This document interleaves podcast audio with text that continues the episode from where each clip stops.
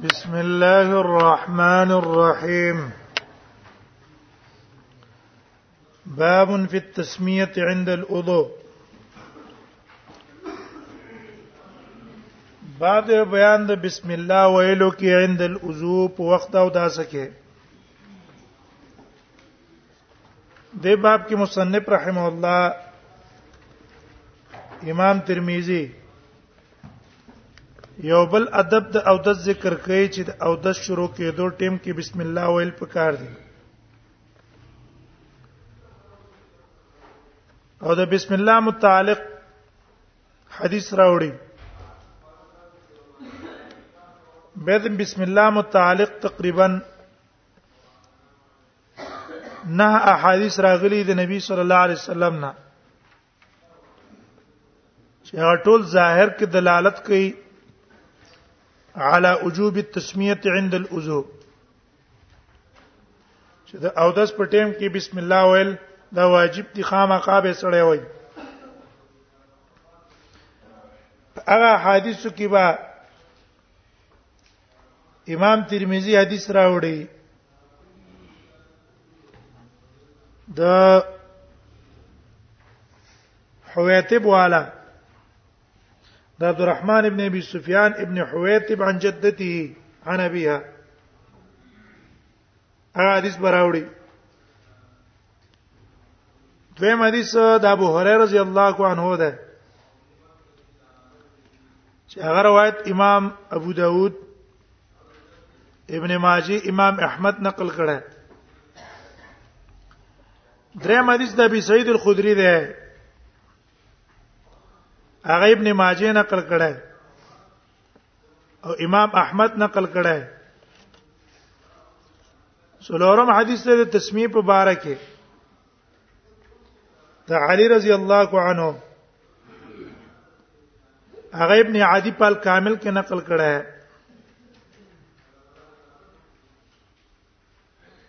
نو پنځم حدیث ته د عائشه رضی الله عنها امام بزار نقل کړه شپږم حدیث ته د ابي العباس سهل ابن سعد الساعدي امام تبرانی راوړی په معجم الاوسط کې وم حدیث ته د انس ابن مالک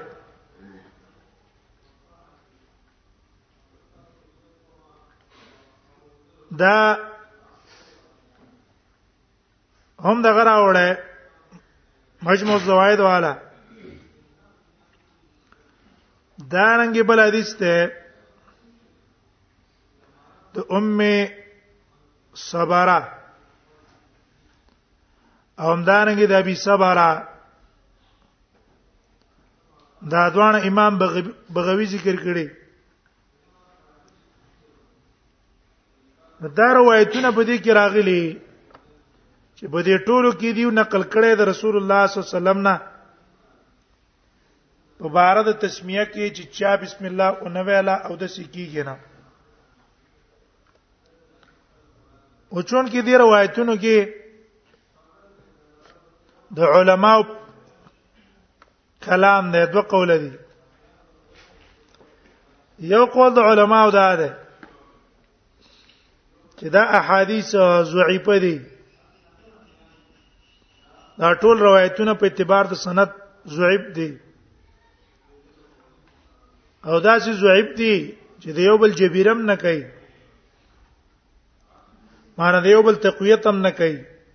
چې مونږ وایو چې ذالک زعیب دی قوی بعض او بعضا دا قول د امام احمد نم نقل لای امام احمد قول به امام ترمذی نقل کی چې لا عالم فی هذا الباب حدیثا له اسناد جيد لا عالم فی هذا الباب حدیثا له اسناد جيد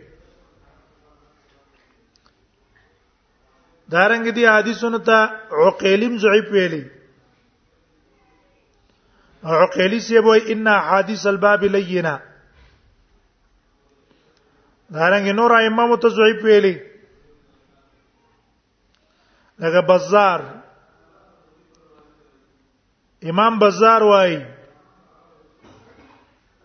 چې ان الطرق لا يعضد بعضها ببعض ودا روایتونه یو بل تقویت نه ور کوي نو یو بل دا روایتونه تقویت نه ور کوي زعیب شو دلیل نشو په وجوب د تسمیه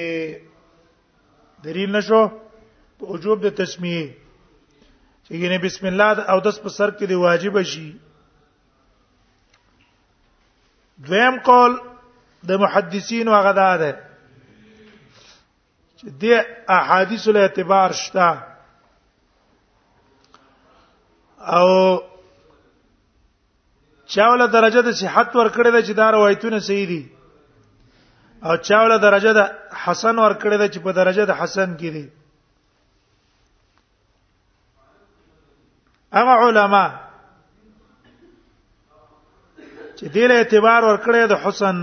وټیک ته د حدیثونو ضعیف دي د حدیثونه اگر کراوی نه ضعیف دي خو یقوی بعضها بعضا یو بل تقویت ور کوي ولې د یو حدیث راوی ضعیف په اعتبار د حفظ او دا حدیث په بل طریقه نقل شي او په بل طریقه کې ناقل ضعیف راوی ضعیف دی حفظ په اعتبار دا یو د بل لپاره مقوي ګرځي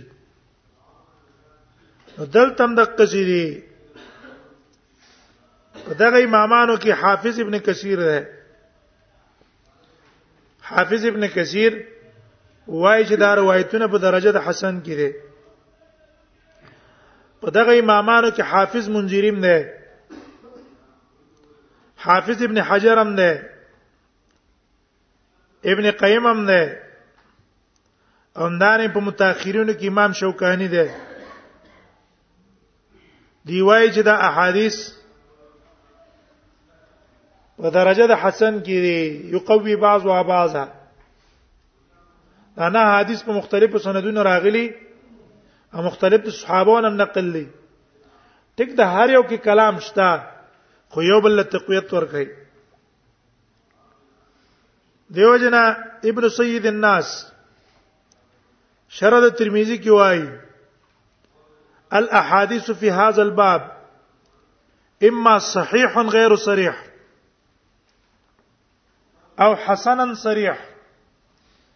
وی احادیث په دې باب کې دوه قسمه دي یا صحیح دي خو صریح نه دي په وجوب د تسمیه کې صحیح دي خو صریح نه دي په وجوب د تسمیه کې او یا صریح دي صریح خو سری او حسنا صریح یا صحیح دی غیر صریح دی یا حسن دی خو صریح دی صریح په درجه د حسن کې دی ابن سید الناس هم دره ترجیح ورکړي هغه دره ترجیح ورکړه نو د دې اختلاف د علماو د وجنه اوس په حکم د تسمیه عند الوضو کې مختلاف ده چې د اودس په سر کې بسم الله څه حکم لري نو مشهور په دې کې دوه قول دي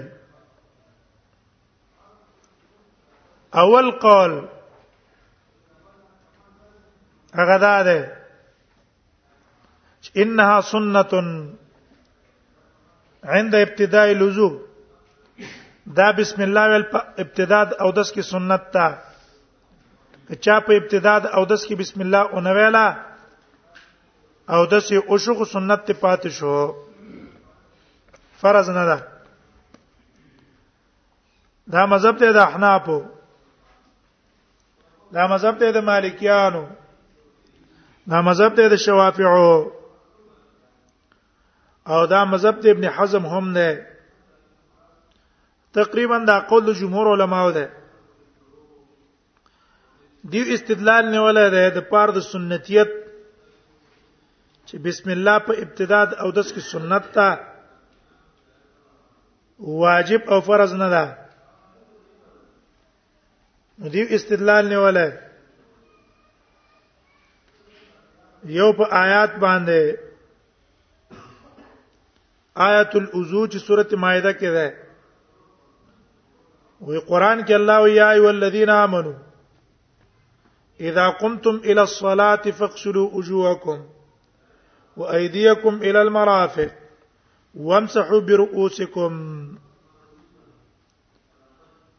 طریقه د استدلال ادا ده دی وای وی الله تعالی بینه واجبات الوضوء فی الایا او داس کې چې کوم فرایض او واجبات دي په دې آیات کې بیان کړی دي او په دې کې بسم الله نه د ذکر ولو كانت واجبه لذكرها الله سبحانه وتعالى کدا بسم الله په ابتدا د او دس کې واجب وې الله تعالی باغ ذکر کړه سره د باقی واجباتونه لیکن دې دلیل باندې خدششتا چې دا دلیل قوی نه دی د پاره د سنتیت وجه یو دا ده چې ګوره ټیک د په دې آیات کې تسمیه ذکر نشوه نو دا عدم ذکر د تسمیه په دې آیات کې دلیل د عدم وجوب نه ده ولې د دې وجوب په دې احادیثو کې چې دا نه احادیث دي دې کې ذکر ده چې پای کې رسول الله صلی الله علیه وسلم او فرمایل لا وضوء لمن لم يذكر اسم الله دا چا ودس نه کیږي چې د الله نوم یاد نکو نو په دې احادیثو کې ذکر شو او دغه احادیث دلیل په فرضیت آیات کې خوري خبرې نه ذکر کی څه فرضیت په آیاتونو کې ذکر شو څه فرضیت په دې احادیثو کې ذکر شو دویم جواب هغه دا ده دویم اعتراض په دې دا ده چې ګوره بیا خو په کار دا ده چې تاسو نیت تم فرض اونه وای په بنا د مقتضا د دلیل تاسو دا تاسو چې کوم دلیل ویلای دی د دې دلیل د مقتضا په بنا په کاردار چې موږ نیت تم څونه وایو موږ نیت تم فرض اونه وایو وجدار چې دا نیت کوم په آیات کې ذکر شوی نه دی ذکر شوی آیات کې نه دی آیات کې نیت شته فغسلوا وجوهکم وایدیکم حالدار چې تاسو قائل د فرضیت د نیت یې د څو وجنا انما الاعمال بالنیات د وجنا چې دا غي د وجنا تاسو قائل یې د دې احادیث په بنا باندې موږ قائل دي سي من قائل د فرضیت او د وجوبي نو دیو جن آیات باندې استدلال نیول د پاره د نفي د څو د پاره د نفي د بسم الله ټیک نه ده لکه احناب بعضی شینه ته واجب وای کنه پاو دس کې او په آیات کې ذکر نه ده خدای دې څه د وجنه وته وای نو سما خبره ده چې دا آیات پوره دلیل نه ده دویم دلیل دی نیولې صراحتا په حدیث د عبد الله ابن مسعود عبد الله ابن مسعود روایت ده امام بهقی راوړل او امام داری قطنی راوړل عبد الله ابن مسعود روایت ته وی رسول الله صلی الله علیه وسلم فرمایلی دي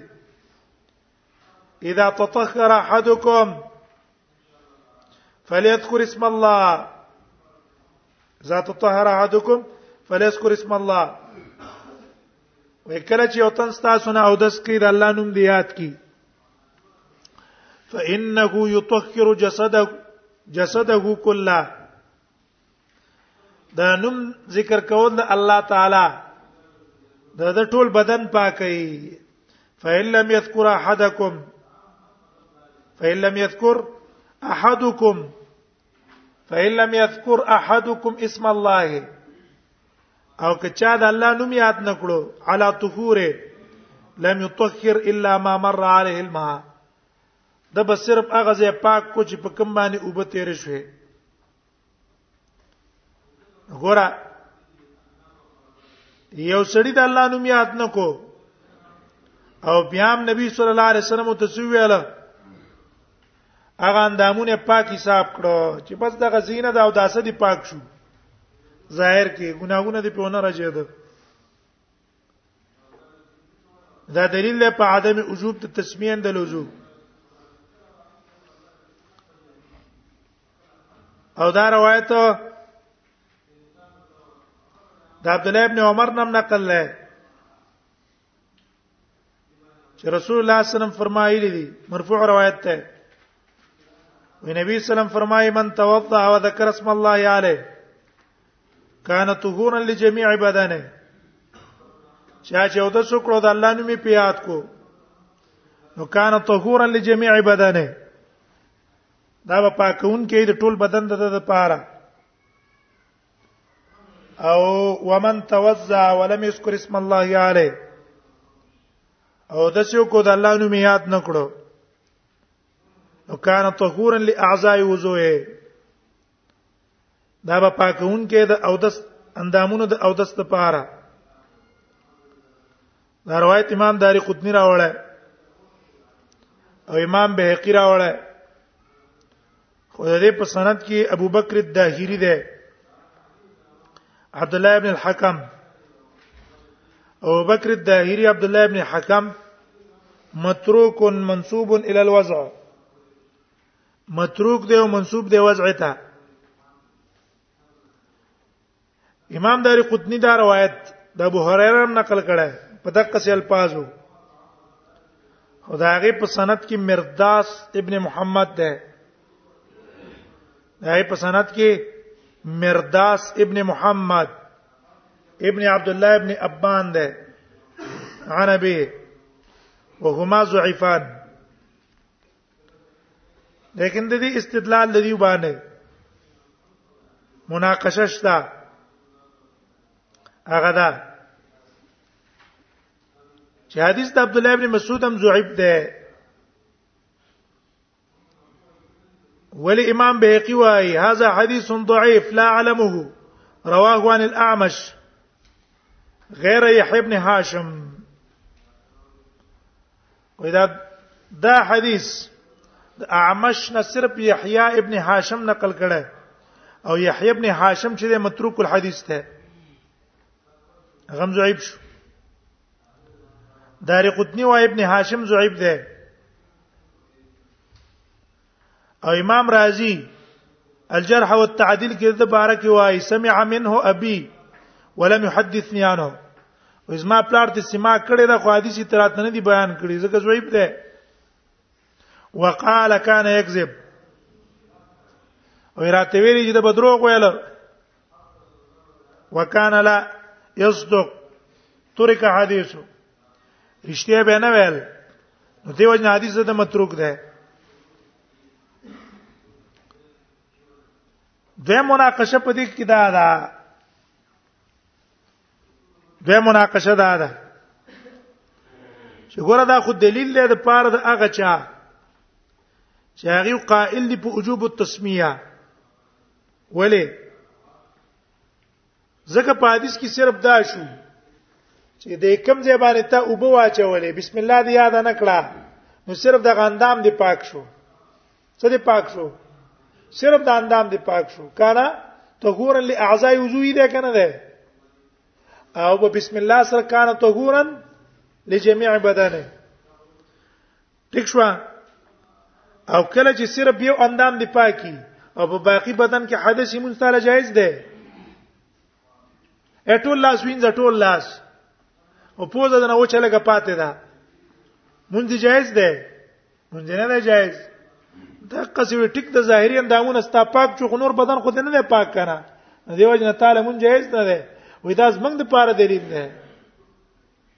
وجوب والا څه وي دا زمنګ د پاره دلیل دی چې پوره پاکي بستا په څه راځي په تسمیه او چې تسمیه دی ونه ویله پوره پاکي د بدن ناراضي صرف اعضاء الوضو دی راضي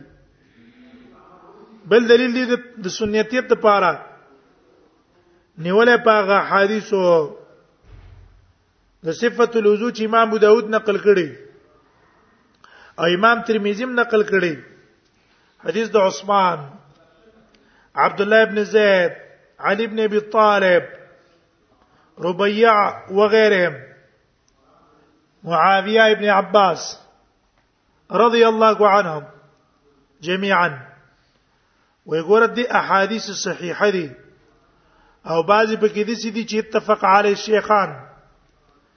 د ټولو د رسول الله صلی الله علیه وسلم سنت طریقه دا اودس نقل کړي خو یو هم چې چرته رسول الله صلی الله علیه وسلم تسمیه نه نقل کړي چې رسول الله صلی الله علیه وسلم چې کیناستو چې وکړه فقال بسم الله او افرغ على يده بسم الله ویلا او به پس داغه نه پلاس باندې اوبر اواړولې نو که چرته دا فرض وې نو په کار دا چې دې صحابو نقل کړي د رسول الله صلی الله علیه وسلم نه غینه نقل کړه بل دا ده و یو باندې چې راغی نبی صلی الله علیه وسلم ته ویل چې کیف الوضو اې دا الله نبی او د په کومه طریقه ده نبی صلی الله علیه وسلم ته توضا کما امرک الله و یو د سو کله کچن چې تا ته الله حکم کړه نو ګوره نبی صلی الله علیه وسلم دا صحابي واپس کړو چاته قران ته او په قران کې سره تسمیه شته ده نو دیو جنا بسم الله کچا او نو ویلا او د سیو شو خو سنت ته پاتې شو دویم قول د علماو دا ده چې تسمیه واجب ده واجب او دا یو روایت ده د حنابلونه او مذهب ده د حنابلو چې په حنابلو کې ابو بکر ابن جعفر غره کړه ابو بکر عبد العزيز ابن جعفر غره کړه دا نه قاضي ابو يعلى غره کړه او دا د حسن بصري قول نه او د اسحاق ابن راهوی قول هم نه په مغری کې ته نقل کړی په مجموع کې او ابن الحمام په احنافو کې دا قول غوړه کړی په شرح د فتح القدیر کې دا واجب ده دارنګ شاول الله دهلوی دا غوړه کړې په حجت الله البالغه کې حجت الله البالغه کې هغه وای هو الحديث نص على ان التسميه وې دا حدیث کې تصریح ده په دې خبره چې ان التسمیه رکن او شرط بسم الله یا رکن ده یا شرط شرط بیاوی و يحتمل ان يكون المعنى ودا احتمال هم شته چې معنا پکې سوي نفي د کمالي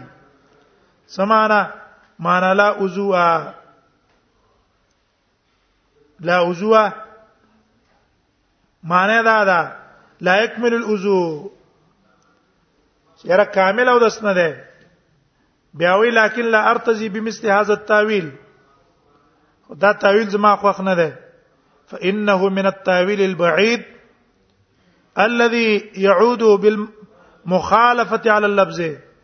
وې دا دونه تعویل بعیده ده چې بالکل د ظاهر د لفظ نه څه ده ظاهر د لفظ نه خلاف ده دیو جن دا تعویل زمانه ده خو خو تعویل وزما خوښ نه ده دا داغم ترجیح ورکړي او استدلال نیولې د وجوب د پاره به احادیث الباب دا کوم حدیثونه چې مون بیان کړه او خاص کر دا حدیث چې لا حضور علی مل مذکر اسم الله په دې باندې استدلال نیولای وللا عضوا ولا عضوا عضو نکره د په سیاق د نفي کې راغله او دا قاعده اصولی ده چې نکره په سیاق د نفي کې راشي معنی د سوي معنی د عمومي معنی دا عمومي نو چې معنا د عموم شوا نو شامل شو دا عموم چاته نفي الكمال او نفي الصحه والاجزاء دواړو ته شامل شو لا عضو او د سره کیږي نه او او د نه کامل کیږي او نه سر نه ناقص کیږي نه کامل او دشتانه ناقص او دشت بالکل او دشت ده نه دغه عموم د معنا ده کنه دا شامل ده نه په د کمال او نه په د اجزا دوانو ته لکه په بعضی حدیثونو کې اوس لفظ د لا صلات راغله تراغله لا صلات لمن لا عضو له او ولا عضو لمن لم يذكر اسم الله په اول کې لا صلات کې د پی د کم ده نبی د عموم ده کنه چې بالکل او د مونږ کیږي نه دانه چې کامل نه ده نه سره شوی نه ده دلته هم د قصیده او لا عضو کې حمل په نفي د کمال او نفي د صحت پر قستل او د کمال معنا غستل دا مجاز ده او مجازي معنا ته بزین د تعذر الحقیقه په هغه صورت کې چې په حقيقي معنا باندې عمل متعذر یو او بل به قیام د قرینه په دې خبره چې دلته حقيقي معنا موږ پرې قستله او معنا مجازي مو هغه ست د پلانکی قرینه دی وجنه او دا قرینه موږ سره شته دی نو تنشته قرینه موږ سشته ده نو نو دیو جنا موږ برا اولګي په خپل عموم معنا باندې بیوالو پاتې شو چې کوم حدیث د عبد الله بن مسعود ته یا د ابو هريره ده یا د ابن عمر ده چې من توزع و ذکر اسم الله عليه كان طهور الجميع بدنه نو دغه روایت قرینه نه ګرځي ساره په د وجوب نه سنتیت تا او نه قرینه ګرځي د پاره د نفي د صحت چاته د پاره د نفي د کمال چې دا قرینه وګرځو د لپاره چې لا عضو د پاره د نفي د کمال لې د نفي د پاره د صحت نه ده ولې ځکه قرینه نه ګرځي چې هغه بنت ای زویب ته لکه مخکې مونږ ویاله بنت ای زویب ده دونه زویب ته چې سره قرینه ګرځي نه نه ګرځي نو دیو جنا خپل عموم باندې پاتې شي لیکن کڅو کوای چې ګوره ابن سید الناس یو روایت راوړی دی شرح د ترمذی کې چې هغه وایي قد روي في بعض الروايات لا وضوء كاملا په بعض روایتو کې دا لفظ ده چې لا عضو کاملا ګوره لفظ د کامل په کراغه کرانه غه نو دا قرینه صریح شو کنه شو قرینه صریح شو صارفه د نفي د صحت نه چاته نفي د کمال ته نو چې نفي د کمال ته شو دلیل شو په استحباب نه په وجوب لکه رافعی را لګیدل رافعی او په دقه سیدو سید ابن الناس په دې روایت باندې استدلال کړه چې ګوره دا صحیح دی په دې خبره صریح دی په دې کې چې لا عضو نه پی د پاره د کمال له نه د پاره د نفي د صحت نو موږ وایو چې دا به ال سې کیږي چې کله دا جمله سي په حادثو کې ثابت شي دا جمله په حادثو کې شته ده نه دیو جن حافظ ابن حجر په تلخیص الحبیر کې وایي لم ارغو هكذا وي ما سره چرته دا جمله لیدل نه ده فلا يعلم حال حال هذه الروايه كيف هي سپتن لګی دا روایت څنګه ده ما لیدل نه ده نو صالح ته د پاره د احتجاج او کنه دیو جنا دا صحیح نشو لا عضو د پاره ده وجوب شو احناف هم یو دلیل ویلې هغه وی چې دا عضو د وجوب د پاره ځکه نه شو ویلې چې قران کې مطلق د څلور شینه پرز دي او چې حدیث د تسمیه او سمنګ پرز کو نو زیادت براشي په مطلق د کتاب الله په خبره واحد او دا نسخه ده احنا په اکثر دا وایي کنه وایي ارزه کې دا وایي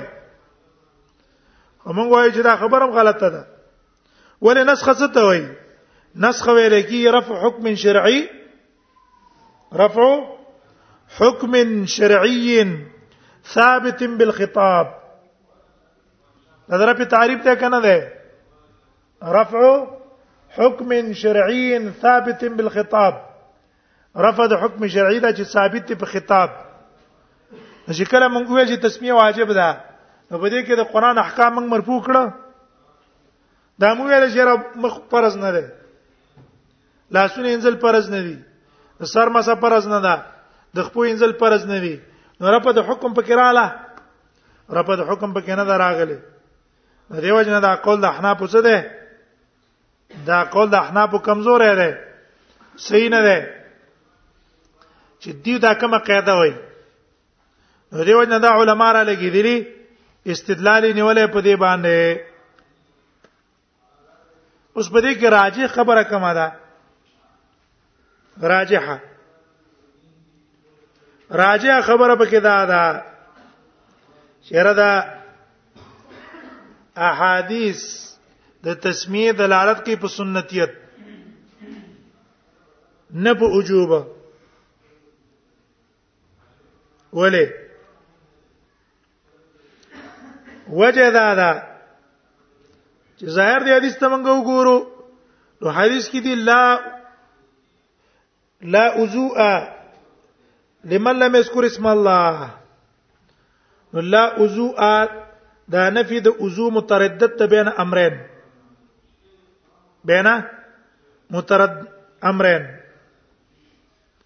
یې خو معنا دا ده چې نفي د صحت یا نفي د صدا نفي د صحت معنی دا ده چې او د سره سینه ده او یا غرض د رسول الله صلی الله علیه وسلم نفي د کمال ده لا عضو کاملا دغه جمهور کومه معنا واغسته لا عضو کاملا او دویم قول والا نفي د صحت واغستا نو په دې لا عضو کې دوه احتمال دي کنه دي یا نفي د صحت احتمال له یا نفي د کمال احتمال له حنابلہ را اولګیدل او دا دویم قول والا نفي د صحت واغستو اولنی قول والا را اولګیدل نفي د څه واغستو نفي د کمال واغستا نو دا دوه احتمال پکې اوس قاعده دا د قاعده اصولي چې اذا تردد النص بين معنيين او احتملهما کله چې یو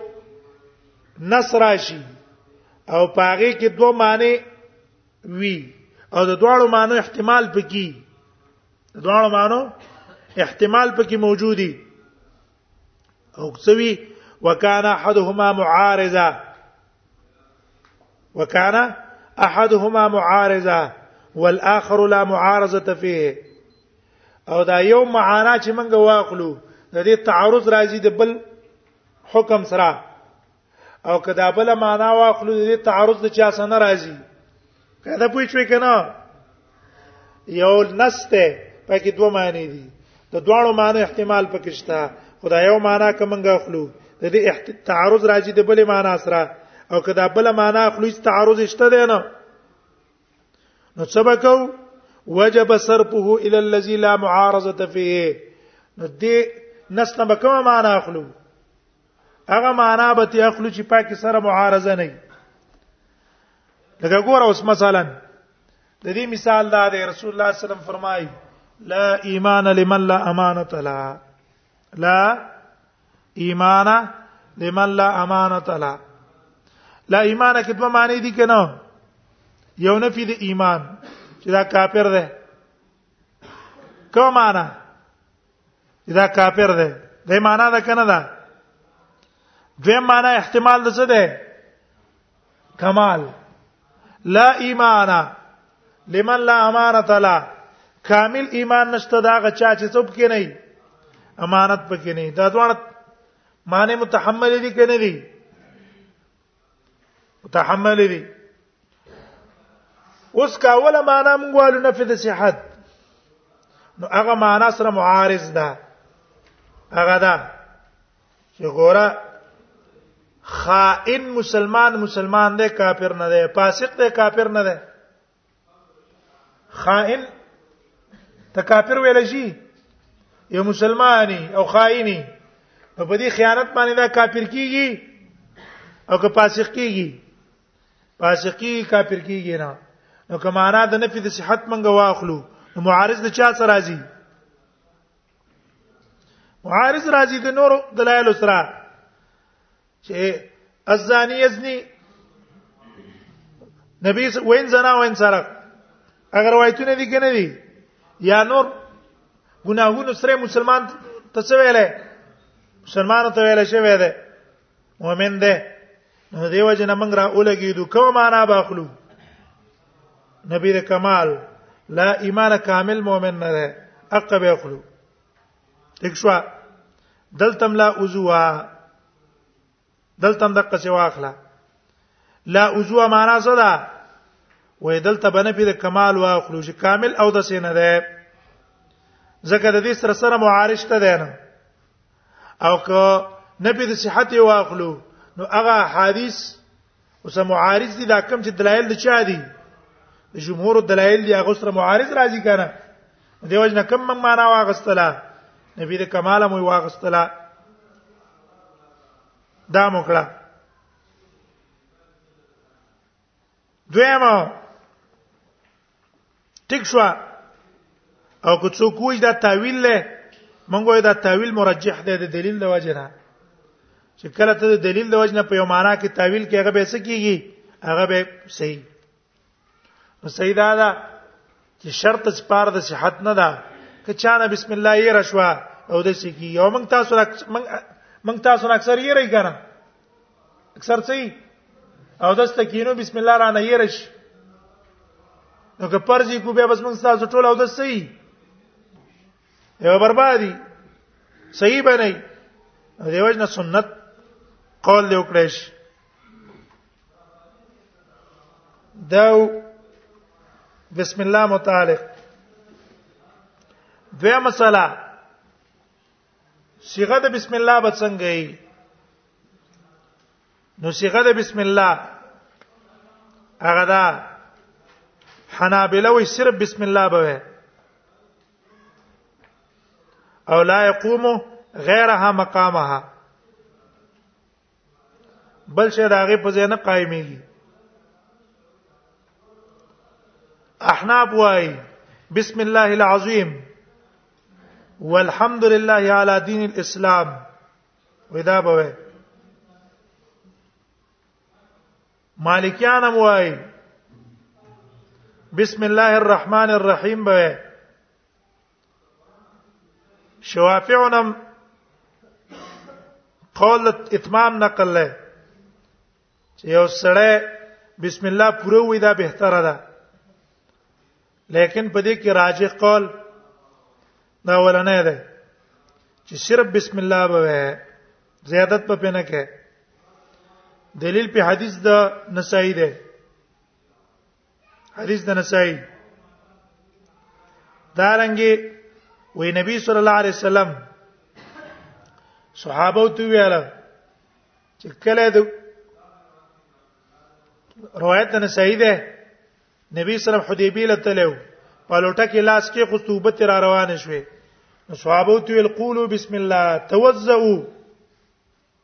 او یو د څوک یو بسم الله وای صرف بسم الله ویل دویم د خوراک په ټیم کې موږ څه وایو بسم الله په وخت د ذبح کې سړی څه وایي بسم الله الله اکبر وایي دغه څه په وخت او دس کې صرف بسم الله ویل پکار دي ها نسیان د نه پات شو نسیان بسم الله د نه پاودس کې پات شو او په اخر کې په منځ کې ترایات ته جو څه بکه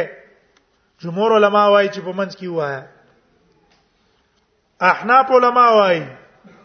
چې نه په اول سر کې د بسم الله د نه یې رشوا نو په منځ کې بسم الله باندې وای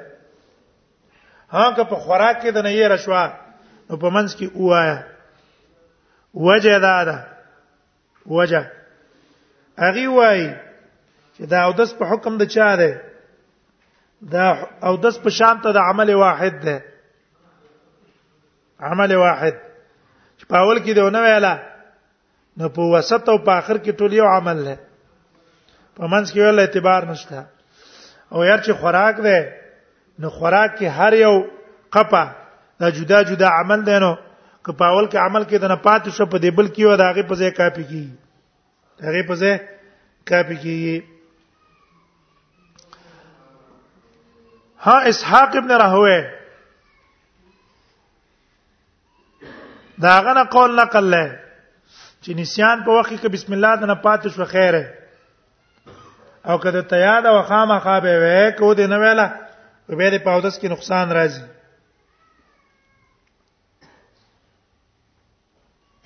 اوس مصنف رحم الله باب ذکر کوي بابن فی التسمیه عند الوضو وبه قال لسنا نصر بن عارين وبشر بن معاذ العقدي قال حدثنا بشر بن المفضل عن عبد الرحمن بن حرمله عن ابي الثفال المري عن رباح عن رباح بن عبد الرحمن بن ابي سفيان ابن حويتب عن جدته عن ابيها قال سمعت رسول الله صلى الله عليه وسلم يقول لا أزوى لمن لم يذكر اسم الله وای ما د نبی صلی الله علیه وسلم اوریدل چې رسول الله صلی الله علیه وسلم فرمایي لا عضو لمن لم يذكر اسم الله عليه دا هغه چا او دس نه کیږي چې د الله نوم یاد نه کو په وخت او داس کې لا عضو لم لم يذكر اسم الله لا د څه د پاره ده نو ماغه اختلاف پکې شو څوک یې د نفي د صحت د پاره وای او څوک یې نفي د کمال د پاره وای وفي الباب په دې باب کې د عاشی د ابي هريره ابي سعيد الخدري سال ابن سعد او د انس روایتونه نقل لري قال ابو ساوي قال احمد امام احمد ولا اعلم في هذا الباب حديثا لو اسناد جيد خو دې نه مخ کې لا عضو لمن لم يذكر اسم الله دې ذکر ته وګورئ لا عضو لمن لم يذكر اسم الله یو دا ذکر ده ذکر باللسان نن دقه سي دا ذکر شامل دی ذکر بالقلب ته سمانا ته یو لیټرین ته نه وته نو په لیټرین کې خو تسمیه ویل جایز نه دي کنه او ته پاکه او داس کې سکه او داس کې نو پزړه کې چې د بسم الله را یاد کړه نو دا د هغه په ځای قائميږي ولی دا د زړه ذکر ته په حدیثو کې ذکر راغله حدیث قدسی ده کنه ان ذکرنی فی نفسی ذکرته فی نفسی وان ذکرنی فی ملأ ذکرته فی ملأ خیر من خیر منه نو دې حدیث کې دې نفسي ذکر تم سره راغی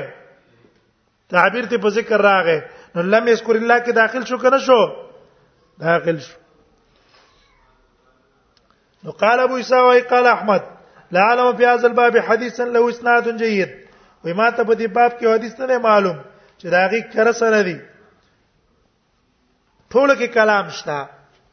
وقال اسحاق ها اسحاق پکې وای ان ترک التسمیه عامدا اعاد الوجوه دا غدرې مذهب شو عام مشهور مذهبونه موږ څو بیان کړل دوا درې مذهب پکې د اسحاق شو مغنی والا اسحاق د حنابلو سره نقل کړه چې بسم الله واجب ده په دوه صورتونو کې په سیاق په صورت د نسیان او په صورت د عمد دواړو کې چې بسم الله اون ویل او د سینې کیږي لیکن امام ترمذی ته بل مذهب نقل کو او دا درې مذهب شو ان ترک التسمیه عامدا که بسم الله قصدن پر قصلا عاد الوضوء د سپراو پس کوي وان کان ناسیان او که چرته تیر شوی وو او متأولا یا تاویل کوونکو چې لا وضو لمن لم د څه د پاره ده د کمال د پاره ده او دق په بنا باندې بسم الله پر قصلا اجزاه بیت بیا ده او د څه شو قال محمد بن اسماعيل او امام بخاري وايي احسن شيء في هذا الباب وخ شی په دې باب کې حدیث در رباح ابن عبد الرحمن دی وس امام ترمذی وايي قال ابو عيسى ورباح ابن عبد الرحمن عن جدتي عن ابيها رباح ابن عبد الرحمن روایت نقل کړی د خپل نیانه او نیه روایت کړی د خپل پلار نه دا غي پلار څوک دی او ابو سعید ابن زید د دې پلار سعید ابن زید ابن عمرو ابن نوفل نه او دا سعید ابن زید دا د عمر ابن الخطاب د تر زویو هغه د تر زویو او د اصل کې باعثو د پاره د ایمان د چا عمر ابن الخطاب ولید عمر ابن الخطاب خور په دوا دوا ادا د عمر د د کور تر اغلو خور څه خبر اړولې و و ابو سفال المری او مستجاب الدعوات مو مستجاب الدعوات په دې باندې اخزه دعوا کړې و د زمکه چې تا د زمکه زما قبضه کړې ده دوه تخیره وکړې کدی خزي په ما باندې الله غلطه دعوا کړي نو د دې مرګ په دې ځمکه کې وګرځي هماغه سوا چې بده کې کویا کنه له ودا په کې را روانه پته وتونه په کې روغورځیدله او ایسته په کې پرې وته مړه شو او سفال المرین نوم سمامه ابن حسین ده او رباح ابن عبد الرحمن د ابو بکر ابن حویتب ده منهم من رواه الحديث بعضی په دې کې هغه څوک دی چې دا روایت نقل کړی دی چې ویل بکر ابن حویتب فنسبه الى جده نسبت یې نکته کړی ځکه حویتب یې نکته